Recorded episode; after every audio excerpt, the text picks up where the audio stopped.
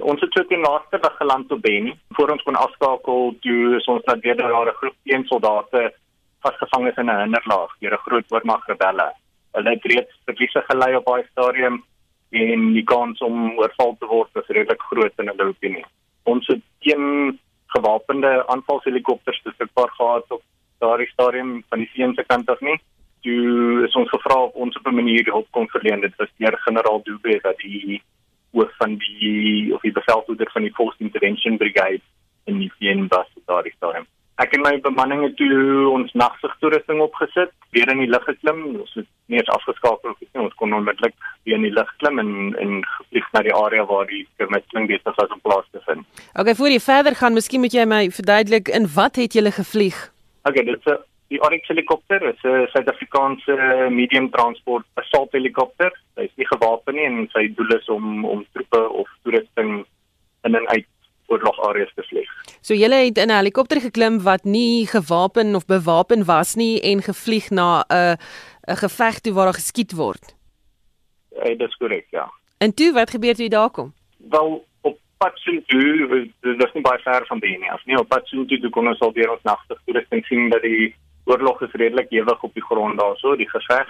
Ek en die bemanning het 'n bespreking gehad in die kajuit van wat ons sal doen as ek net kan uitbrei die bemanning vir 'n Arik helikopter is uh, myself die die bevelvoerder dan 'n medevlieënier en is ook 'n vlugingenieur soos 'n bemanning van 3 wat die Arik helikopter beman. Mhm. Mm Dit is in ons het ons uh, bespreking gehad oor wat ons sal doen en toe ons daar kom toe ons aanvals helikopterprofiele gevlieg op die op die rebelle om om hulle te beslou so 'n skynaanval assault. Die helikopter is toegerus met uh, selfverdedigingspakkels. Dit is meer algemeen bekend as flares wat die doel is om die, die helikopter te beskerm teen missiele.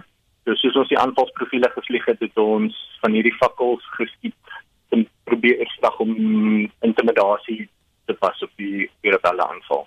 En het dit hulle dit hulle afgeskrik? Het dit enige impak gehad? Wel, ek het geleentheid gehad om na die na die tyd um, met van die soldate te praat wat op die grond was en hulle reken baie definitief. Ek kon ook uit die lug uit sien dat wanneer ons ons aanvalsprofiele vlieg dat die die aanval bietjie 'n uh, breek vat. Ek het actually met uh, van die Guatemalan magte wat op die grond was gepraat uh, in tye van ons aanvalsprofiele of toe toe die rebelle aanval geloods is, toe was hulle verwyder gewees van die hoof EN groep. Hulle was op pad om water te skep. So hulle was vasgespen gewees en uh, die rebelle was op pad om hulle oor te val toe toe die ons helikopter op die op die toneel kom. En met ons aanvalsprofiele het dit uh, net genoeg tyd vir hulle gegee in die, in die breek in die aanval van die rebelle dat hulle kon weer aansluit by hulle magte. So hulle was redelik dankbaar vir daai vir daai oefening.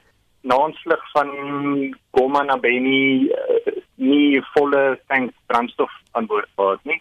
So ons het op toneel gebly totdat ons op minimum brandstof was en dit was so net oor 'n uur wat ons in die in die gevegarea was.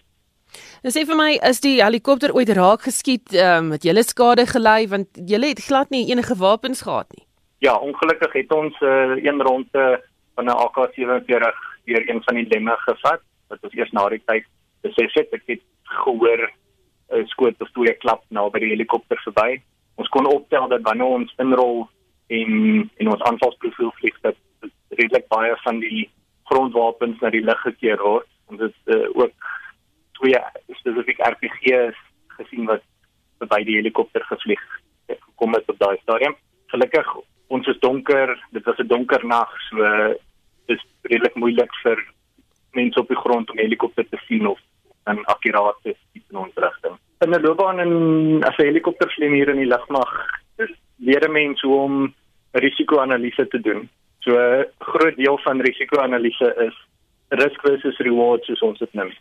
Gelukkig is die lugmag baie goed met met hierdie tipe konsepte vir mense leer en deur die loopbaan. So uh, op daardie stadium was my en my bemanning se besluit en gevoel dat die die risiko is laer as die uh, reward wat wat uit die vlug uit gaan kom. So uh, ons ons sien dit nie net uitsluitlik in terme van 'n van 'n risiko en waag jou lewe of so nie. Ek, dink ook nie dit is heeltemal so dramaties gewees nie, maar die die hoofdoel is die dit wat ons moes en kon vermag op daai stadium in terme van die taktiese deel was was meer belangrik.